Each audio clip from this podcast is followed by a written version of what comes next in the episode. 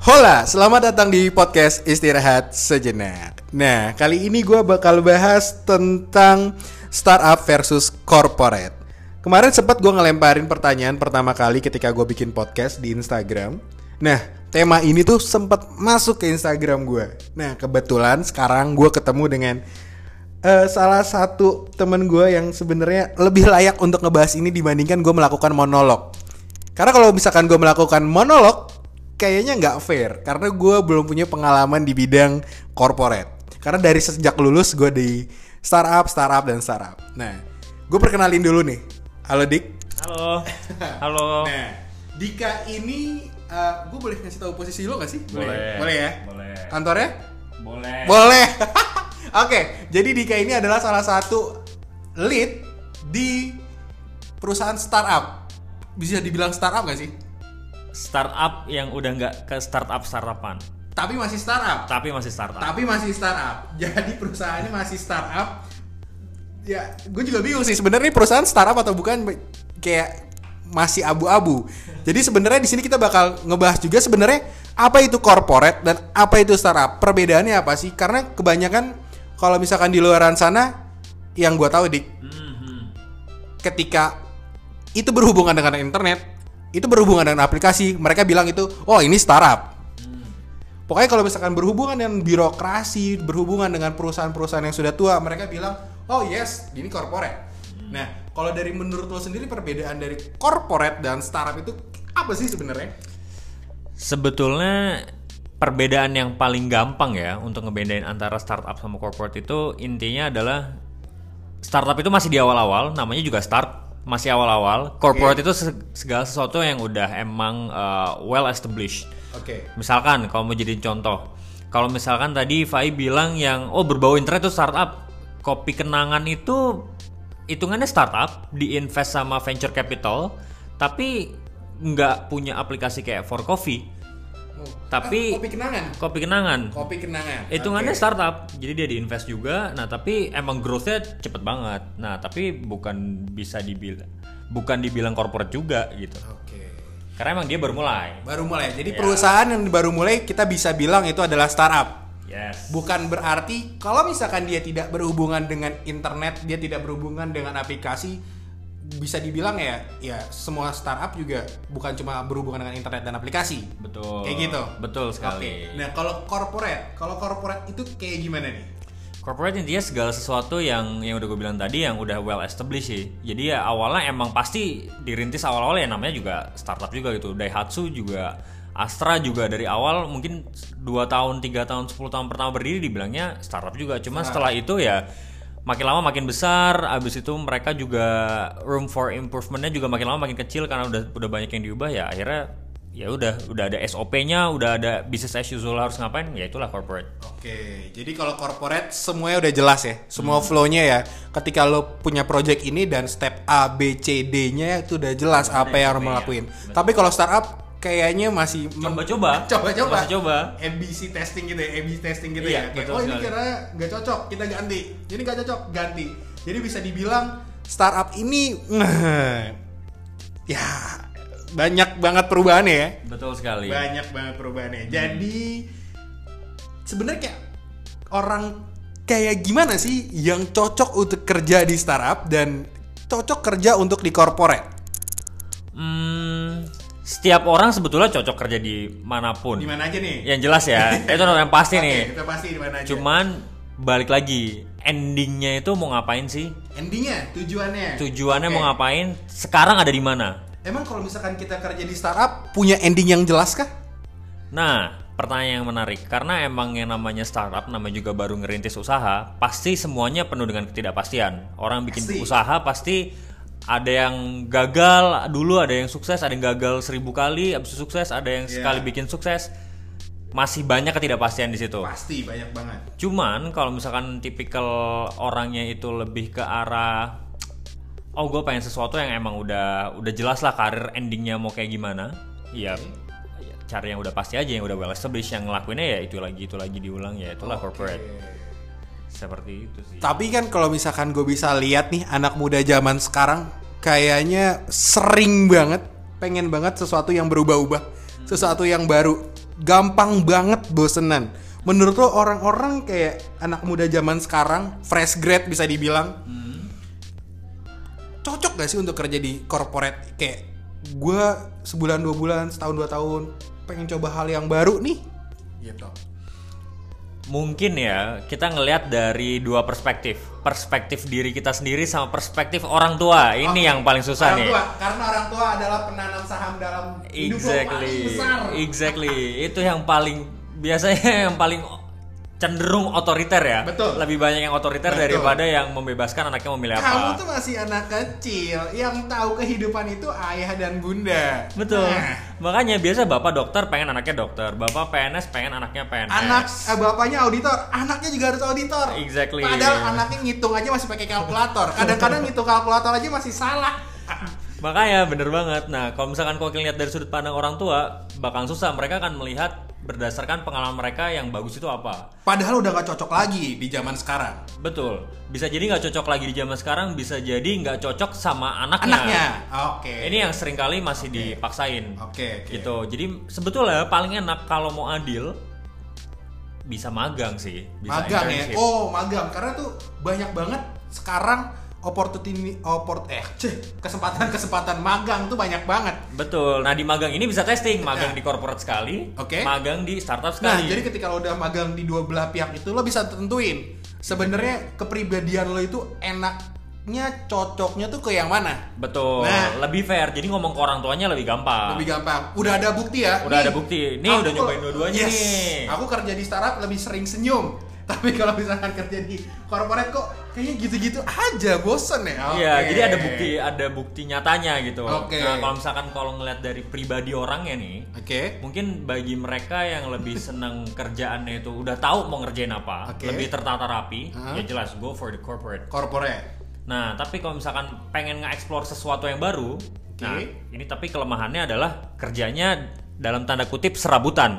Serabutan. Coba ini, coba itu nggak berhasil, coba yang lain, coba yang lain. Oke. Mungkin job desk juga yang gua kerjain masih sama kayak yang orang lain kerjain. Gue masih bisa ngerjain job desknya ini, itu. Oke. Itulah cenderung kes Itu ke sana ya. sih kalau startup. Tapi kalau ya. misalkan lu punya job desk kayak gitu sebenarnya lu bakal belanja banyak banget belajar hal baru. Bener nggak? Itu positifnya. betul itu positifnya. Itu positifnya. Itu Tapi positifnya. dalam satu sisi lo nggak bakal fokus kayak, aduh banyak banget kerjaan gua ternyata. banget, bener banget, itu banget sih. Oke. Nah, kalau itu kan tentang diri gua. Gua suka di mana? Kayak sebenarnya gua cocok di mana. Tapi balik lagi, kalau misalkan kita kerja nggak munafik, lo nyari duit. Ya. Lo nyari duit kerja. Lo bukan anak kuliahan yang masih disupport keuangannya sama bokap nyokap. Lo pasti butuh uang. Nah, kalau misalkan dari startup dan corporate lebih menjanjikan mana sih cuannya? Em, for sure, angkanya mirip sebetulnya, nggak jauh beda. Mirip. Mirip. Oke. Tapi cara dapat duitnya yang beda nih. Caranya. Bukan caranya, cara sih, Oke. nerima duitnya nih. Nerimanya beda, cara Nerimanya beda. beda. Nominalnya hampir sama, Nah, tapi caranya beda. ya, Caranya beda. Oke, maksud lo gimana? Misalkan sebagai contoh, let's say kita punya target atau kita dapat penghasilan 140 juta dalam waktu satu tahun. 140 juta dalam waktu satu tahun. Ini gaji gua. misalkan. Gajinya, Gajinya. gajinya, Gajinya, misalkan. Ah, 140 juta setahun kalau di startup itu ya langsung dibagi 14 misalkan 12 bulan gaji Oke. habis itu satu kali uh, THR? THR satu kali bonus. Bonus. Oke. jadi bonusnya dikit tapi Oke. emang gajinya akan lebih besar Konsisten kayak 10 10 10 10 gitu. ya benar Oke. gajinya gajinya akan lebih besar ya tadi 10 juta Ah, sebulan say misalkan. contohnya ya untuk kasus 140 juta ini nah kalau 140 juta di corporate Oke. ya dia gajiannya setahun itu bisa 20 kali. Jadi THR 1 berarti 12 tambah 1 13, 13. sama bonus akhir tahun bisa 7 kali gaji. Oke.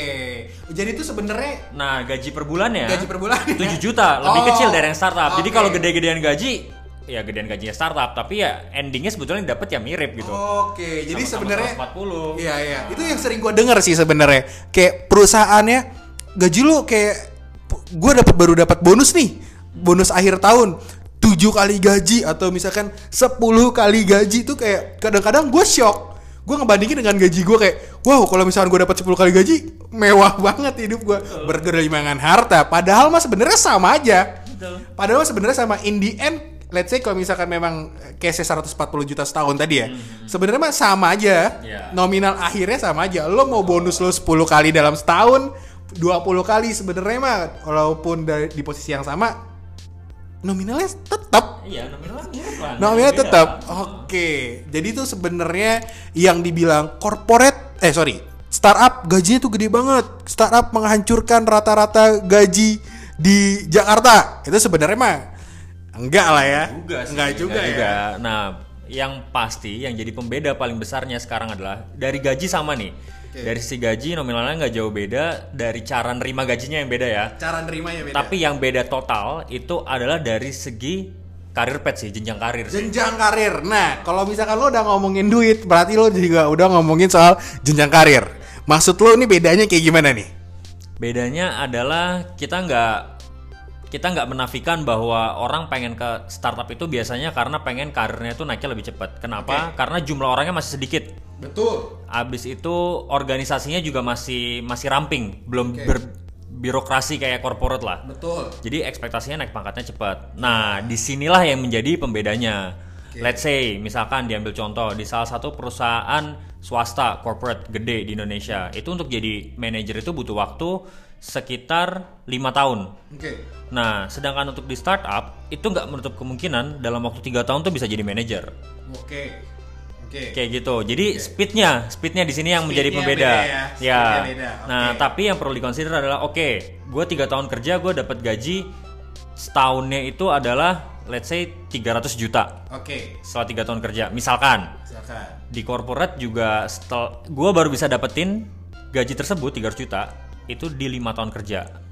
Oh. Kenapa? Karena gue jadi manajernya lima tahun lima tahun. di corporate, di startup gue tiga tahun. Oke. Jadi sebenarnya di startup speednya tuh lebih cepat lah ya. Betul. Speednya lebih cepat. Tapi ya kayak tadi lo bilang, kalau misalkan speednya cepat, lo bisa lebih cepat juga. Betul. Bener ya? Dan ini sebetulnya yang resikonya ya, maksudnya Nah, resikonya. ini resikonya sih. Jadi yang tadi plusnya nih, minusnya adalah oke kita bisa dapat duit banyak kasarnya Lebih lebih, cepat. cepat. Walaupun nominalnya untuk di posisi yang sama tuh ya sama aja.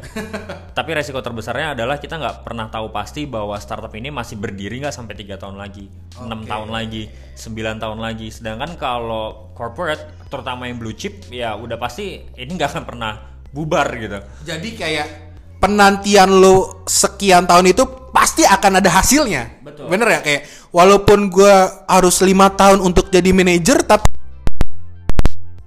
jadi manajer asal gue kuat aja di perusahaan itu. Iya. Bener nggak? Betul, Nah kalau startup kayak ya penantian lo selama tiga tahun lima tahun tuh kayak masih deg-degan.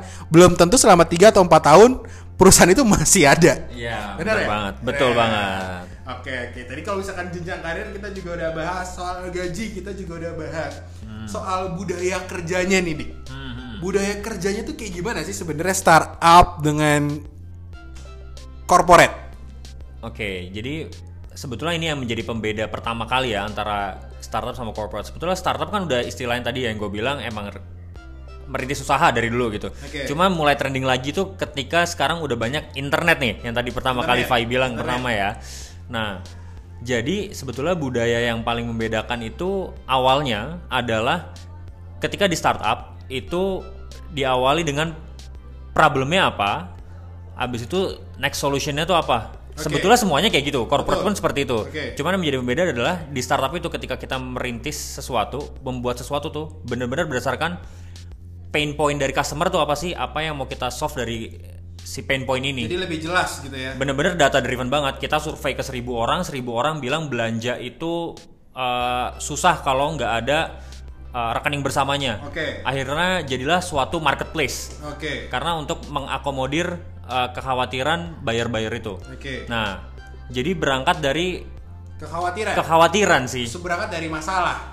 Oke. nah sedangkan leb- jadi tergantung usernya tuh lagi butuhnya apa sih Oke. sedangkan kalau corporate itu berangkat karena udah well established emang benar waktu pertama kali mau jual mobil berangkatnya adalah oh pengen eh, commute dari si dari titik A ke titik B dengan waktu yang lebih cepat dengan jumlah orang yang lebih banyak menjawab Oke. masalah cuman ketika sekarang udah masalah itu udah terjawab, inovasi yang dilakukan itu lebih arah ya udah produknya aja dibagusin, gimana caranya harganya dimurahin. Oke. Jadi ya Karena udah udah ngelit market jadi kayak ya udah gitu loh. Betul. Udah nggak ada kompetitor lagi yang bisa nyaingin gua. Mm-mm, jadi Oke. lebih ke arah daripada ngelihat customernya butuh apa, tapi apa yang bisa kita improve dari produknya. Jadi masih product mindset. Oke, Sedangkan masih product kalau mindset. startup lebih ke customer mindsetnya tuh kayak Oh, gimana? Oke. Jadi itu ya perbedaan antara startup dengan corporate. Betul. Nah, kalau misalkan sebenarnya teman-teman apa yang kita bahas sekarang nih, gua sama Dika bahas. Oh ya, gue belum nanyain pengalaman Dika. Gue boleh nanya, gue biar ini lebih. Oh iya, ternyata memang ini adalah bahasan yang memang selayaknya gue dengerin. Pengalaman lu sebenarnya gimana dik di perusahaan startup dan perusahaan corporate? Em, dulu gue pernah magang di corporate seperti yang gue bilang tadi. Gue pernah magang di uh, startup juga, both di luar negeri dan di dalam negeri. Gue pernah nyobain dua-duanya. Orang tua gue 25 tahun kerja di corporate, jadi tahu banget di dalam company-nya itu cara kerjanya gimana, karir prakteknya gimana, dan akhirnya gue juga sekarang ngerasain sendiri gue kerja di startup itu di dalamnya kayak gimana karena di keluarga gue ya gue yang pertama kali ada di startup Oke. gitu Oke, sekarang di under lo ada berapa member yang lo eh, ayomin yang lo ayo kita bareng-bareng sama sama-sama capai target. berapa ya yang di bawah gue langsung ada Iya, delapan bawah. Ada delapan orang ya. Ada delapan orang. Ada delapan orang, tapi peer lo juga banyak juga ya. banyak banyak Oke. banget Nah, jadi yang gue bahas ini, kalau misalkan lu bosan dengerin gue ngomong monolog kayak nggak berbobot, tapi kali ini podcast gue berbobot dengan orang yang memang layak berbicara seperti ini, gitu loh. That's why. Nah, buat teman-teman yang masih bingung dengan corporate dan startup, tadi Dika udah kasih solusi, cobain dulu aja magang. Karena ketika lo udah magang, lo tahu nih corporate itu kayak gimana, startup itu kayak gimana. Nah, kayak gitu. Dik, lo ada fun fact nggak untuk startup dan corporate di ya untuk di Indonesia lah kita kerjanya gitu. Apa ya Oke. kira-kira mau fun fact yang kayak gimana dulu nih Bebas, bebas, bebas, bebas. Atau mungkin lo ada masukan-masukan yang pernah lo ajak ngobrol dengan teman-teman lo. It's okay, nggak apa-apa kita kita nambah pengetahuan, kita nambah cerita-cerita dari teman-teman lo yang udah kerja di luar juga pernah dikerja di luar, dalam negeri. It's fine. Oke, kalau fun fact ya, fun fact itu paling yang paling sering jadi bahasan sekarang nih, terutama karena gue sekarang kerjanya di startup. Jadi ngomongin dari perspektifnya startup dulu deh ya. Oke. Startup itu sekarang jadi exit strategi buat orang-orang yang sebelumnya kerja di consulting company. Oke. Misalkan nih gue sebut aja ya, Oke. misalkan ada BCG, McKinsey dan segala macam. Kenapa? Karena ketika lo pindah ke suatu perusahaan, hampir kecil banget sih kemungkinan untuk turun gaji. Oke. Jadi mereka di consulting itu gajinya rate-nya udah udah tinggi dari zaman fresh grad juga udah ada kepalanya, kepala satu. Kepalanya. Dari Kepala satu, double lulus- digit. Lulus kuliah udah double digit. ah, Waduh. mimpi- exactly. Mimpi, mimpi. Setahun berikutnya udah ganti kepalanya. Ah, gila. Kita ngomongin net ya, bukan gross. Wow. Net, lo tahu net nggak? Itu kagak ada pajak-pajakan yang masuk lagi ke rekening lo tuh udah bersih. Gitu. Gila. Jadi dalam waktu setahun tuh bisa naik dua kali lipat netnya nih ya, gue garis Netnya. netnya nih. Nah, Gila. tapi emang jam kerjanya tuh nggak make sense. Jadi kayak Oke. teman gue kerja di consulting, dia bisa kerja sampai jam 2 pagi, nyari data sampai jam 3 baru dapat datanya, ngolah datanya sampai jam 5, manggilin kliennya. Nah, habis itu dari jam 5 dia kirimin si datanya ini ke eh, ke suatu institut yang ngurusin per presentasian Oke. PPT yang ngerjain PPT-nya. PPT-nya aja ada vendor. Ada vendornya. Ada vendornya. Dikerjain dalam waktu 2 jam, jam 5 pagi sampai jam 7 pagi. Mantap. Jam setengah 8 di print, jam 8 di present ke CEO. Waduh, gila. Jadi emang dari sisi jam kerja emang GG banget. Oke. Nah, cuman ketika masuk ke startup, tadi yang gue bilang pertama, gajinya nggak mungkin turun dong. Nggak mungkin. Tapi jam kerjanya turun jauh dong. Oke, jadi itu exit strateginya untuk teman-teman kita ya dari perusahaan apa tadi? Eh consulting, Consulting, tadi, consulting consulting. company tadi. Gitu. Enak ya? Enak dong. Nggak cuma consulting, auditor juga. Auditor juga. Auditor juga. Tapi emang bisa auditor masuk ke ranah bisnis dik? Bisa banyak juga mulai Banyak ya? bahkan sekarang satu dua orang tim produk itu yang biasa ngurusin urusan sama engineer itu banyak yang dari auditor juga. Wow, jadi cross Udah ya. mulai. Udah mulai ya. Karena Iya. setahu gue sekarang tuh udah banyak banget eh, kursus-kursus yang kayak 3-4 bulan Iya. yang intens untuk belajar soal produk. Auditor cuman ketika mereka sempat belajar masalah produk, ya mereka bisa jadi ngambil posisi itu juga. Iya, soalnya itu banyak juga teman-teman gue yang gue jurusan akuntansi tiba-tiba, wah sorry gue lagi eh, les buat coding nih, lah kok coding? Dari lo ngitung-ngitung jadi coding, ternyata ya sekarang banyak ya. Betul. Karena memang peminatnya juga lagi banyak banget. Betul, kebutuhannya Oke, juga banyak. Nah, sekarang mungkin tambahan buat yang corporate-nya tadi kan startup. Kalau corporate ini sama bisa jadi exit strategi untuk orang-orang dari consulting company juga cuman buat yang senior-seniornya. Oh, yang udah lama-lamanya. Betul, misalkan udah lama di consulting 10 tahun nih, ya Oke. kerja sampai subuh 10 tahun kan pegel ya. Pegel. Ya, tapi yang mau nabung banyak. Salah Iya. satunya dulu tuh ada kasus dari consulting company ini ke BUMN. Oke. Ke perusahaan BUMN minyaknya Indonesia. Mhm, jelas tahu Nah, ya. otomatis ya dia langsung di posisi yang paling atas. Oke. Ya udah, jadi ya kasusnya mirip juga. Gajinya sama tinggi, yang dikerjain juga akan jauh lebih less kompleks lah Ya. dibanding ketika dia ngerjain di Nggak memakan jam yang lebih banyak lah ya, ibaratkan seperti itu. Betul. Nah, cuman memang kesulitannya adalah mereka yang biasanya eh, kerja di luar sistem sebagai konsultan, ngasih saran, ngasih rekomendasi, sekarang ada di dalam sistemnya. Oke. Nah, mungkin kaget juga, oh ternyata saran-saran yang gua kasih dulu itu susah diimplementasin karena emang birokrasinya tuh tebel banget. Oke. Kadang-kadang masih kebentrok itu juga. Jadi kayak gitu ya fun fact ya Ternyata ada exit strateginya nih Perusahaan-perusahaan corporate dan startup Nah teman-teman Sekian dulu aja pembahasan kita tentang corporate dan startup Mungkin nanti kita bakal bahas tentang S1 atau S2 Karena teman gua ini juga Lulusan S1 Institut Teknologi Bandung Dan S2 dari mana Dik? University of Melbourne. Melbourne. Nah, lo, lo nih yang masih pada bingung, yang S1-nya masih bentar lagi baru lulus kayak apa gue lanjut S2 ya? Tapi kalau misalkan gue lanjut S2, nanti gue ngelamar kerja gimana? Karena gue nggak punya pengalaman dibandingkan dengan teman-teman gue yang baru lulus S1 tapi udah langsung kerja. Nah, nanti kita bakal bahas lagi sama Dika eh, tentang pembahasan S1 dan S2. Jadi tungguin podcast gue selanjutnya. Nah, buat teman-teman yang sekarang sedang beristirahat, silahkan melanjutkan istirahatnya. Sampai jumpa di podcast selanjutnya. Sampai jumpa. Thank you.